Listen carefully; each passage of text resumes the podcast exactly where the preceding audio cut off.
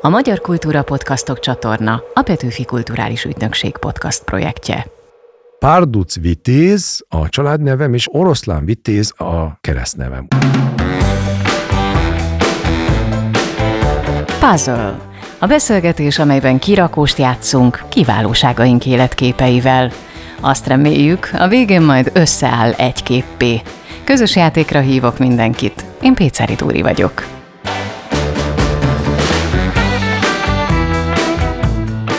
Világjáró karmester, aki nem dirigál, inkább varázsol a pálcájával. Isztambulban született török-görög családban, de Magyarországon vált művészé. Több mint 35 éve itt él, tőzsgyökeres budapesti. Eredetileg űrhajós akart lenni, filmrendezői vágyakat is dédelgetett, végül a zenében teljesedett ki. Az élet hosszig tartó tanulásban hisz, frissen végzett filozófusként manapság a mesterséges intelligencia kérdésein töpreng. A Puzzle hatodik epizódjának vendége Ertüngál Pálpaszlán, karmester, zongoraművész, filozófus. Január 1-én születtél, akár csak Petőfi. Rokon lelkek vagytok? Valamennyire biztos, de más rokonságokat is tudok felhozni, például a görög naptár szerint mások a szentek, és akkor más szentekhez vannak rendelve a napok, kicsit eltérések vannak ott. Meg hogy a Hios sziget, ahonnan származnak az őseim, egy része, onnan például két filozófus is származik, úgyhogy lehetnek ilyen rokon lelkűség és akár igazi rokonság is. Nemzetünk költője nem fest túl hízelgő képet a törökökről, például a János Vitézben, ami valahol érthető is, hiszen történelmileg azért sokáig nem voltunk igazán jóban, fogalmazunk így. A 150 évet neked felhánytorgatták már valaha? Persze, az első találkozásoknál mindig ezt hozták föl, mikor diákként itt voltam, ahogy bemutatkoztam, kezet fogtunk valakivel, hát itt voltatok 150 évig. Mondom, mi biztos, hogy nem, nem tudom mire gondol, de eleinte mindig ezzel szembesültem, aztán rádöbbentem, hogy itt valahogy másképp tanítják a történelmet, mint Törökországban, ahol ugye 150 év, nem is 150 év, hanem ott 400 éves szomszédságról beszélnek, a 150 annak csak egy része, aztán van egy további 150 év, ami sokkal közelebb van időben mi hozzánk, ahol nagyon jobban volt a két ország, az oszmán birodalom, és segítettek a magyaroknak, segítettek a magyar hősöknek, a Rákóczi-tól Kossuthig nagyon sokan ott találtak menedéket, ott találtak lehetőséget tovább működni, meg hogy azért nagyon jó és szoros együttműködés volt még 150 évig, körülbelül az első világháborúig, de erről itt nem nagyon beszélnek. És ez volt az érdekes. Viszont mikor a Gülbaba Kulturális Központ és Kiállítóhely művészeti kulturális igazgatója lettem, akkor pont erre kellett összpontosítani, hogy a magyar köztudatba erről is kell tudni beszélni. Hogyha a Brian Élete című Monty Python film egyik szállóigévé vált mondatát egy kicsit átfogalmazom, és azt kérdezem tőled, hogy mit adtak nekünk a törökök, akkor mit mondanál? Helyesbíteni nem akarok a kérdésen, pedig kéne, mert itt török történetről, török esetekről, török hódoltságról beszélnek, és a török szó a népi hagyományba az beragadt. Viszont Törökországban, ahogy tanítják a történelmet, nem törökök jártak erre fele, hanem az oszmánok. Na most mi a különbség a török számára az oszmán és a török között? Az, hogy török az egy etnikum, mint a görög, mint a bolgár, mint az arab, mint az örmény, mint bármelyik etnikum, amely oszmán birodalom alatt élt, és maga birodalom oszmán birodalom volt, ami nem egy nép, hanem egy család neve. És így a török ember ma, most a török alatt a mai Törökország állampolgárairól beszélünk, nem azonosul az oszmán korral. Mert a török etnikum az oszmán birodalom uralkodói szemében másodrangú állampolgár volt. Két uralkodó kivételével 700 éves történetébe, és ez egy egy család volt, ez nagyon érdekes, és ez egyedül állott szerintem, két uralkodó kivételével egyik uralkodónak sem volt török a felesége. Az első felesége, akitől ugye született az utód, a trónörökös, bármilyen más etnikumból lehetett, csak török nem volt közülük. Milyen család az? Identitásában nem török. Ez egy teljesen más történelmi kontextusba helyezi a törökséget a mai törökök számára, vagy a mai törökországi emberek számára, mint amikor valaki amerikai, Egyesült Államok polgára, az amerikai, mindegy, hogy honnan származnak az ősei. Na most tegyük fel, hogy itt voltak 150 évig a törökök, de ettől függetlenül sokkal fontosabb azt követő 150 évben a török és a magyar népek összefonódása, de akkor viszont fel kell hoznom azt is, hogy iskolába testvernépként tanítják a magyarokat, és mi mindig a közös közép-ázsiai múltunkra tekintettel beszélünk magyarokról, mint testvéreinkről. A magyar zenetudós Bartók Bélát nagyon nagy tisztelet övezi Törökországban, ahol 1936-ban járt gyűjtőkörúton, és a magyar, illetve a török népzene közti hasonlóságot kutatta, és erről te tartottál is egy előadást néhány évvel ezelőtt. Milyen zenei felfedezésekre bukkant Bartók Kis-Ázsiában? Nagyon érdekes a történet. Először rögtön kiemelem azt, hogy amikor még Gülbabánnál voltam igazgató, akkor sikerült nekünk kiadni Bartok törökországi útja során megfogalmazott tanulmányát magyarul. Miért magyarul? Eredetileg angolul írta meg, és 70 néhány évig nem volt lefordítva magyarra. Én azt mondtam, hogy ez egy nagyon fontos tanulmány, mert délkeleti területeken, a mai Adanától kicsit keletebbre gyűjtött népdalokat, ahol jörökök laktak. Jörökök azok nomádok. De ma már nem annyira nomád módra élnek, de az az a terület, ahol talán mindmáig legkevésbé felhigult ősi török népdalokat lehetett találni, sőt, Bartók korában biztos, hogy még jobban voltak eredeti formájukban megőrizve, mint ma, és nagyon hosszan oldalakon keresztül érvel mutat példákat és elképesztő agya volt. Több ezer népdalt tudott különböző kritériumok szerint kategorizálva katalógusokba helyezni. Ez az óriási katalógus a fejébe volt. Elképesztő koponya, és ezekkel összevetve a török dalokat, amelyeket ott gyűjtött, arra a következtetésre jut, hogy nem közös eredetre utalnak ezek a dalok, hanem ezek szinte ugyanazok. Tehát nem szomszédság van, nem hasonlóság van, hanem ugyanaz a gyökér, ugyanonnan jönnek ezek a dolgok. És ez egy nagyon érdekes úgymond felfedezés számomra is, meg az olvasó számára, hogy jé, hát itt nem szomszédságról, meg testvérségről, meg kulturális hatásokról van szó, hanem közös gyökerekről van szó. Több mint 35 éve élsz Budapesten, a Zeneakadémián végeztél. Annak idején, amikor gondolkodt tatok a szüleiddel azon, hogy melyik városban is tanulj tovább, akkor még két másik város is szóba került. Miért épp Budapest lett végül a nyerő? Kicsit véletlen, kicsit szerencse, mert az volt az eredeti ötlet, hogy minden hármat végig járjuk, meglátogatjuk a, az egyetemeket, és utána döntünk.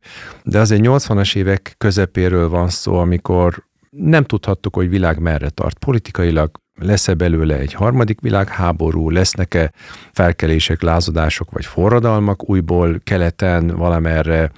Úgyhogy nagyon bizonytalan volt a jövő, és a szüleim nem akartak sokat kockáztatni ilyen szempontból. Azt mondtak, hogy Moszkvát felejtsük el egyelőre.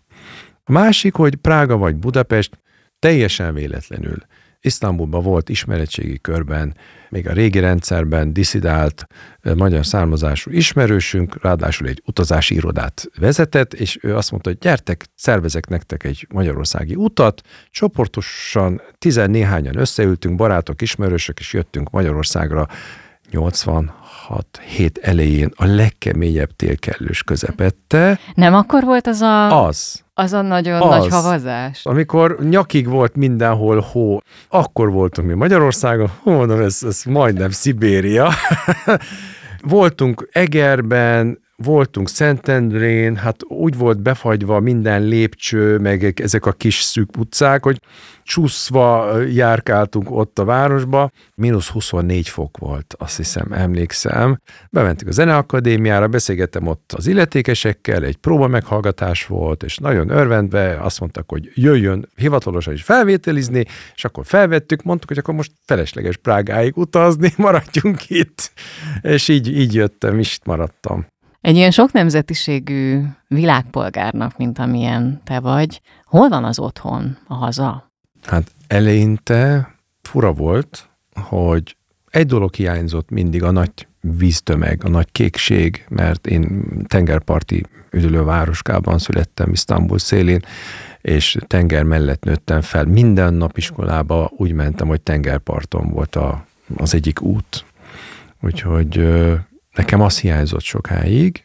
Aztán úgy éreztem magam, hogy egy vándorlegény viszi a hazáját és a házát, mint egy csiga saját hátán, ott próbálja otthon érezni magát, ahol éppen van, de aztán egyre jobban múltak az évek, és itthon érzem magam otthon, és ez egy tény. Szóval ezen nem tudok változtatni, és most, hogy 18 évet éltem Törökországban, annak nagy részét gyerekként, de 36. évet Magyarországon, ez egy jelentős szám. Az életünk olyan, mint egy puzzle, minden egyes darabnak megvan a helye. Hogyha az életed három legmeghatározóbb, legfontosabb puzzle darabkájára gondolsz, akkor milyen képek jelennek meg ezeken a mozaik kockákon? Ezek fordulópontok az életemben. Az első a 86 hét, amikor el kellett dönteni, hogy hogyan tovább. Mert az iskolában nagyon sikeres voltam, isztambuli német iskolába jártam, német nyelvű oktatásban részesültem, és fizika-matematikában voltam osztály első fizikus akartam lenni, csillagász akartam lenni, sőt, űrhajós is. Viszont a szemüvegem miatt, a fogtömések miatt, meg sok minden miatt azt mondtuk, hogy hát nem nagyon fogsz tudni így repülni, föl űrbe, úgyhogy felejtsd el, maradt a csillagászat, mint szerelem, de már 7 éves kortól zongoráztam, és konziba is jártam párhuzamosan. Azt sem tudtam feladni, és nagy dilemma volt, hogy hogyan tovább. Ez az egyik mozaik kép. A másik Fordulópont 98, amikor a budapesti televíziós karmester versenyen indultam, mint harmadéves karmester hallgató, túl voltam a zongorán, már lediplomáztam, de a karmesterséget meg akartam tanulni, mint szakmát. De egy picit olyan művészi válságot is éreztem magamba, hogy mégsem volt annyira kielégítő, amit csinálok, mint zenész, és mindenkori vágyom, hogy filmet akarok rendezni. Mindig is filmet akartam rendezni. És jelentkeztem a színművészetére, és Szabó István akkor indított egy új osztályt. És pont volt lehetőség felvételizni. Ennyire szerez dirigálni? Igen, valahogy ott is ugye dirigálás van, de erre is térjünk ki, hogy dirigálás alatt mit jó, értek, jó. jó? Mert ez egy ars poetika, ami nagyon érdekes lett. Közben meg folyt a karmesterverseny, és úgy döntöttem, hogy ha most ezen a versenyen nem jutok tovább, akkor egy életre félreteszem a zenét, és filmrendező leszek. Hát a sors úgy hozta, hogy tovább jutottam, harmadik díjat is nyertem, és onnantól kezdve már a zenépálya kapott egy nagy lendületet, következő évben Prokofiev verseny, harmadik díja, pár évek később Aténba első díj, és utána a többi már önéletrajzom soraiban van. Következő fordulópont 2009-ben volt, ott inkább egészségügyi, családi, nagy törések, szakmai törések. Az viszont egy olyan negatív fordulópont volt, amikor azt mondtam, hogy kész, elegem van, befejeztem, nem zenélek tovább. Azért ez nagyon érdekes, hogy kétszer is megfordult Ugye? a fejedben. Pedig már annyi sikerem volt, annyit dolgoztam, szombathelyen voltam a, a, a szombathelyi zenekarnak a, a zeneigazgatója már x éve, rengeteg külföldi fellépésem volt, és jött egy ilyen válság, és ez 2008-9 azért tudjuk, hogy ez világ nagy gazdasági válsággal egybe is esik. Szerintem ez mindenre ráhatott. Mindegy, kitaláltam azt, hogy jó, akkor most gazdasági irányba megyek, jártam egy kurzusra, egy továbbképzésre, gazdasági továbbképzésre, és az Aviva biztosító társaságnál elkezdtem, mint befektetési tanácsadó dolgozni. És nem is volt szükségem, valahogy nem hiányzott a zene.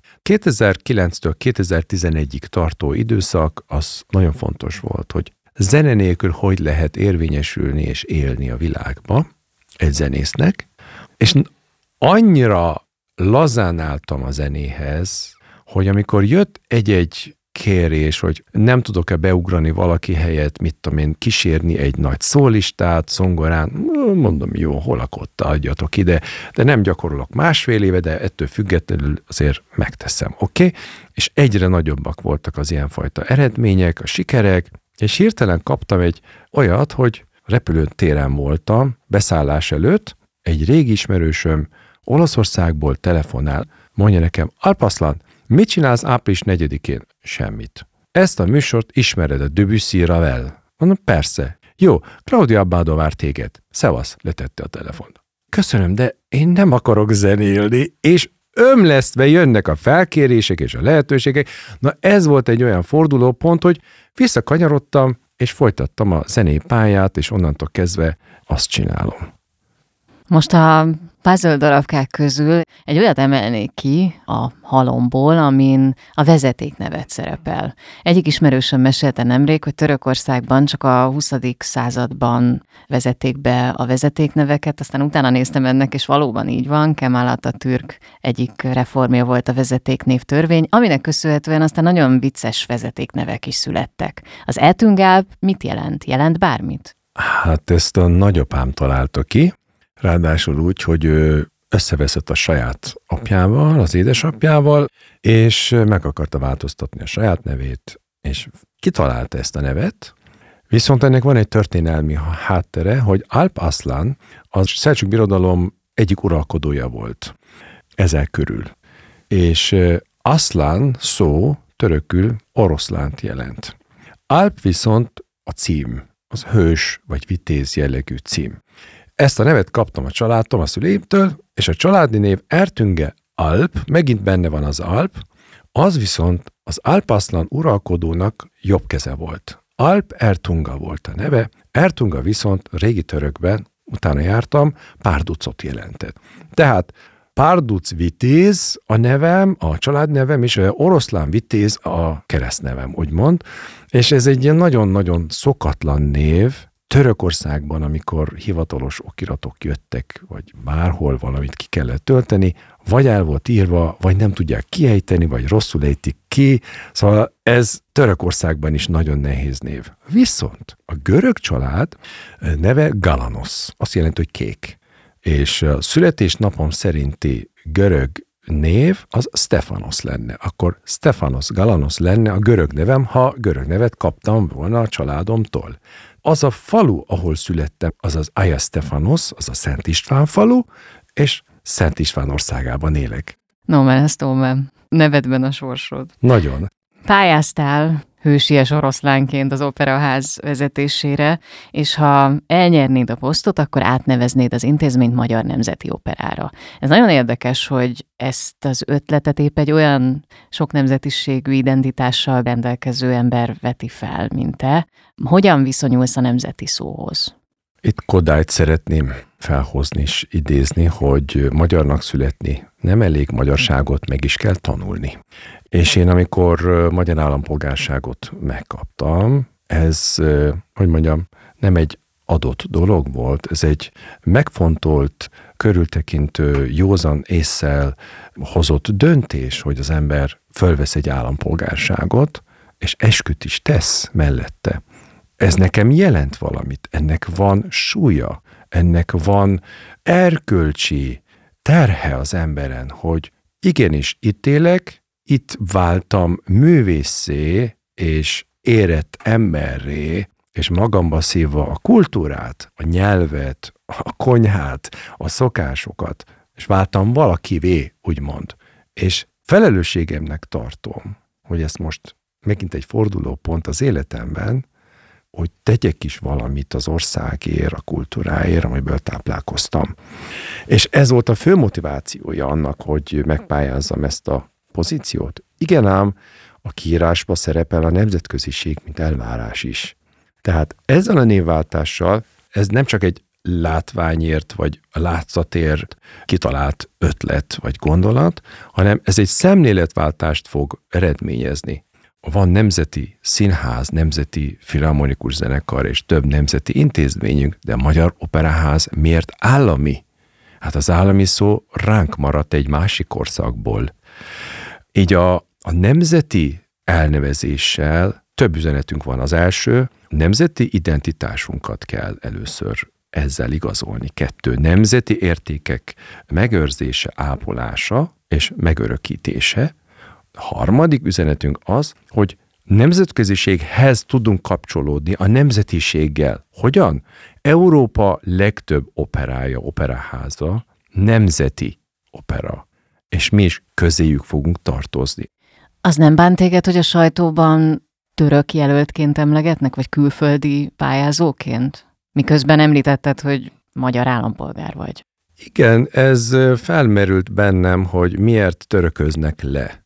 Eleve ez etikátlan, hogy egy magyar állampolgár származása vagy etnikai eredete alapján minősítsék, mert ez, ez európai sággal nem fér össze, nagyon sok barátomról tudom, hogy egyiknek horvát, másiknak szlovák, a negyediknek román rokonsága, vagy ősei lehetnek, vagy oroszok, vagy svábokról beszélünk, a szászokról beszélünk, a zsidókról beszélünk, a cigányokról beszélünk, meg mindenkiről beszélünk, de mindenki magyar állampolgár, aki Magyarországon él, mint magyar állampolgár, az magyar.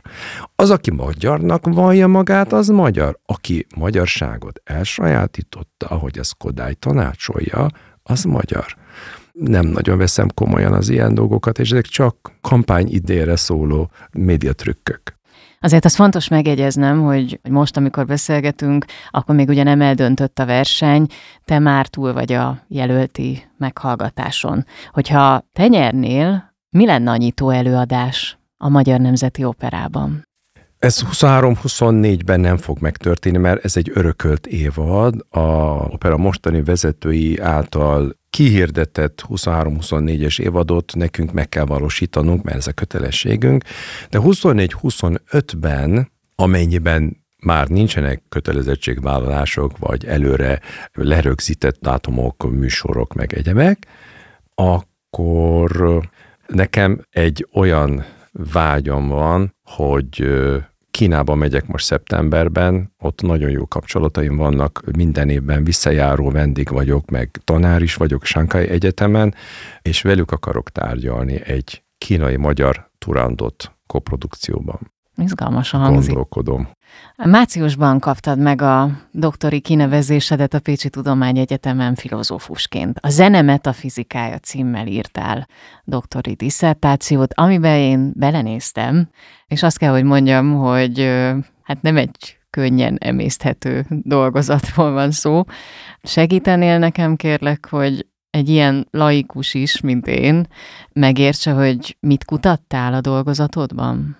Vagy mit vizsgáltál? A filozófiai tanulmányaimat még a Covid előtti időszakban kezdtem el, de ez is igazából véletlen volt, hogy ebbe az irányba indultam, mert egy PhD-t akartam valahol, egy fokozatot szerezni, színművészetiben gondolkodtam, de aztán meggondoltam magam, és teljesen véletlenül összefutottam a Pécsi Egyetem filozófiai doktoriskolájának a vezetővel, Boros János filozófussal, aki egy Kant, Immanuel Kant specialista. Boros Misi apukája. Így van, Misi apukája. Erről beszélgettünk, azt mondja, gyere hozzánk. Felvételiztem, felvételihez kellett mit tanulni, filozófia történetet ismerni is jól tudni, és tematika zenévehez kapcsolódóan Wagner és Schopenhauer, illetve Nietzsche kölcsön hatása és a felvilágosodástól pontosan 1900-ig Nietzsche haláláig a zeneszerzők és a filozófusok kölcsön hatását akartam elemezni, de ahogy nekiálltam, rájöttem, hogy itt alapvető kérdések vannak, amelyeket meg kell válaszolni. Mi a zene? Hát most őszintén, 50 éves koromig turván azt hittem, hogy tudom, mi a zene, mint zenész. És rádöbbentem, hogy nem tudom se definiálni, se körülírni, hogy mi a zene. Úgyhogy az alapoknál kezdtem, és a metafizika szó nem szószoros értelmében. Metafizika, ez inkább az általános megközelítésemet tükrözi, hogy filozófia felől nem csupán analitikusan, elemzően, nem a angol száz filozófiai irányzatot követve közelítem meg a kérdéseket, hanem picivel holisztikusabban, a történetiségében, régebbi koroktól, a ógörögöktől napjainkig hogyan közelítettek még a zenét, és zene körülű kérdéseket tárok fel, az, hogy mi a zene, hogy első kérdés, utána a következő kérdés, mi a zenemű. Mikor van, mikor nincs. Akkor, amikor megszólal, vagy amikor már nem szólal meg. És ha csak akkor van, amikor megszólal, mi történik a zeneművel? Megszűnik létezni? De ha nem szűnik meg létezni, akkor hol található? És ha megszűnik létezni, és újra megszólal, akkor ez hogy lehet ugyanaz a mű, mert már egyszer megszűnt létezni. Szóval ezek filozófiai kérdések. A filozófia kérdés az, amikor egy disziplinán, egy témakörön belül bizonyos kérdésekre nem kapunk választ, és ki kell lépni a rendszerből. Nagyon sok kérdés van, és ezekkel foglalkozom. És ö, mesterséges intelligenciába is ebbe botlottak bele, ezekbe a dolgokba, a kreativitásba. Ezzel kapcsolatban milyen kérdések fogalmazódnak meg benned a mesterséges intelligenciával kapcsolatban? Egyébként a zenéhez való viszonyát vizsgáló, vagy érdekel? Azt is vizsgálom, mert a deepfake-kel, meg egyéb programokkal ma költeményeket, verseket, zeneműveket, festményeket kreálnak.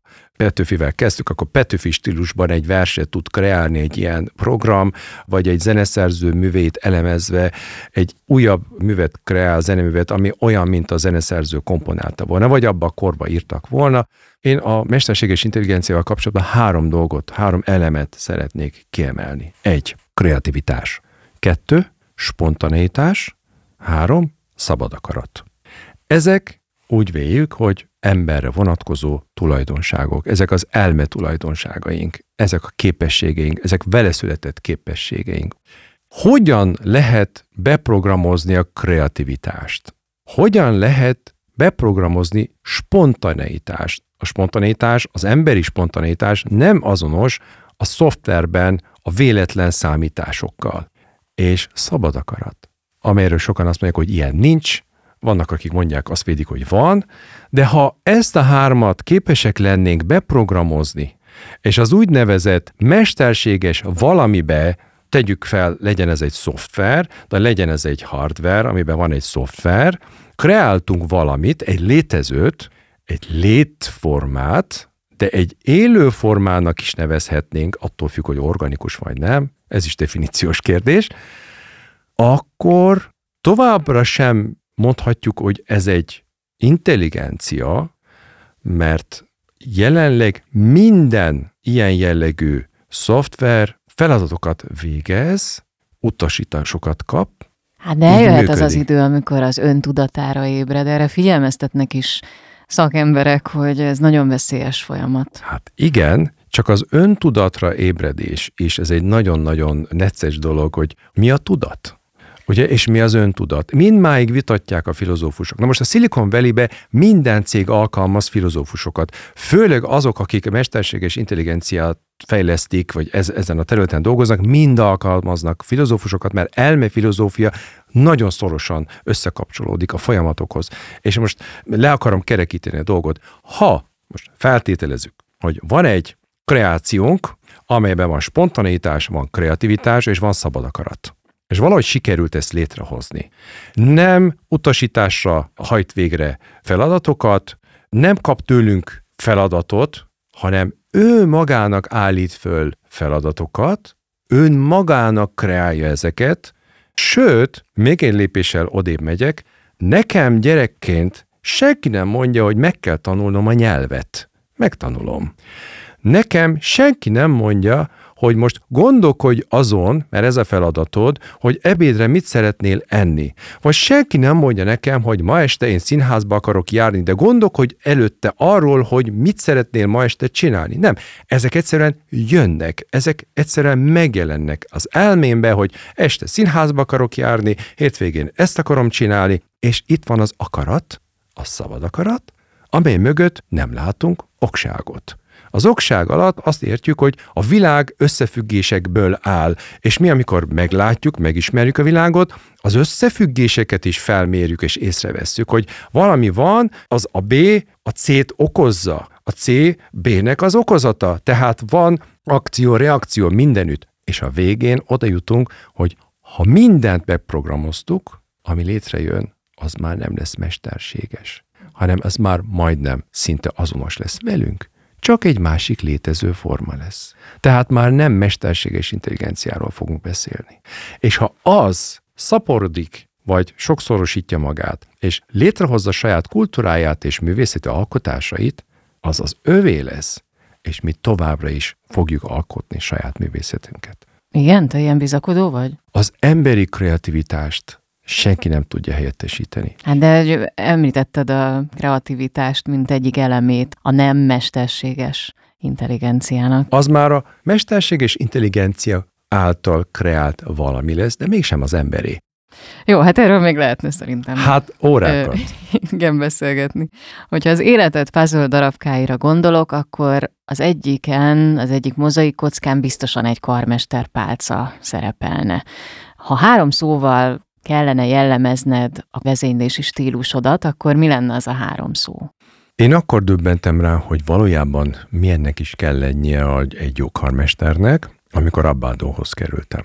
Claudia Abbádóval első találkozásunk Bolonyába volt, aztán Ferrárában volt az első próba a zenekarral, világ legnagyobb muzsikusai ültek a zenekarban, ezek óriások szakmán belül, és ott ültek szembe velem, úgy szembe velem, hogy az első próbán Claudia vezényelt egy döbüszit, és utána letette pálcát, hátrafordult, gyere, hozd a pálcát. Úgy mélyvízbe dobott engem, hogy nem az volt ijesztő, úgymond, hogy mögöttem ott a nézőtéren ült Claudia Abbado, hanem ezek a kiváló, legjobb muzsikusok világ minden tájáról. És mi volt a mű? Debussy la mer, kegyetlen nehéz mű. És próba nélkül el kellett indítanom.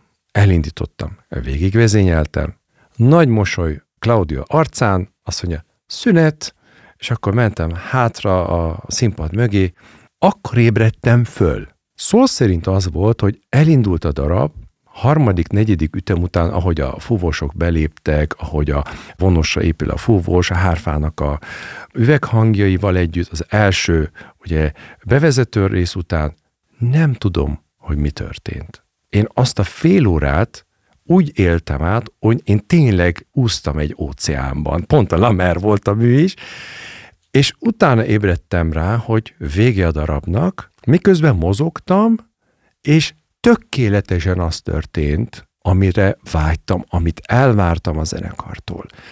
És akkor ébredtem rá, hogy igen, eddig forgalomirányítás volt, amit csináltam, hogy így ütni, úgy ütni, ennek beinteni, azt most kicsit visszavenni, stb. Az csak az alap. De amikor ott vagyok egy kiváló együttes előtt, akkor már kezd az ember varázsolni. Ez lenne az egyik szó, a varázslat, vagy varázslás? Igen, de ez egy olyan nagyon költőien hangzó valami. Ha konkrétabban akarok beszélni, a karmester ihletadó, inspiráló személy. Mindenével, tekintetével, a testbeszédével, a metakommunikációval, a mozdulataival, akár egy pislogás, egy mosoly, minden üzenet. Nem csak üzenet, inspiráció. És erős támpont. Azóta tudom, hogy a zenész az, aki zenél a zenekarban. A zenészek hozzák létre azt a csodát, amit hallunk. Én nekik segítek, őket irányítom, őket inspirálom, és hálás vagyok, hogy ott vagyunk, és ezt a hálát vissza is kapom. Ez egy olyan csoda, amit sehol máshol nem lehet tapasztalni. Nem dirigálsz. Erre utaltál még korábban, hogy erről akarsz valamit mondani. Igen, jobban szeretem a vezetést. Németeknél van egy hagyomány, hogy muzikális Leitung, vagy muzikális Leiter. Ő a zenei vezető. Ő az, aki irányt mutat, és irányt ad. És ez nagyon szimpatikus nekem ez a kifejezés. Igazi nyelvzseninek számítasz, öt nyelven beszélsz, törökül, magyarul, angolul, németül, olaszul, és mellette még hobbiból, arabul, koreaiul, japánul a szótagírás tanulod, és hát értesz a gesztusok nyelvén is, ha most a vezénylésre gondolunk. Mi lesz szerinted az új világnyelv? utopisztikus vagy disztópikus filmekbe, scifikbe, fantáziafilmekbe olyan jövőképet lehet néha látni, hogy valamilyen fajta kínai nyelv az, amit mindenki beszél, ez nincs kizárva. Én törökül tanultam gyerekkoromban, de anyanyelvemet, görög nyelvet nem tanítottak meg, ezt valamikor be akarom hozni, vagy be akarom pótolni, hogy a görögül szeretnék tanulni. Magyart itt tanultam meg, Magyarországon, németet és angolt viszont már a német iskolában. Úgyhogy nagyon érdekelnek, és a gyerekeim mondják, hogy az egyik japánul akar tanulni, másik már török, magyar, angol, német mellett a spanyolt tanulja. Szerintem ez a jövő, hogy minél több nyelvet beszélünk, annál jobban tudunk otthonosan mozogni a nagyvilágban. A Puzzle hatodik epizódjának főszereplője Ertüngáb Alpaszlán karmester művész filozófus volt. Ha meghallgatnátok a sorozat korábbi részeit, itt a Magyar Kultúra Podcastok csatornán nézzetek körbe, ahol emellett reformkori kultúrtörténeti podcastunk a Talpig Magyar és a Dob meg Basszus új évada is elérhető. És hogy ne maradjatok le a friss tartalmainkról, mindenképpen iratkozzatok fel a csatornára. Köszönöm a figyelmeteket kollégáim, Horváth Gergely, Csali Anna Mária, Vapler Klaudia, Cakó Gergely, Rédl Ádám és Szemő Pálin nevében is. Várlak benneteket legközelebb is, Péceli Dóri vagyok. A Magyar Kultúra Podcastok csatorna a Petőfi Kulturális Ügynökség podcast projektje.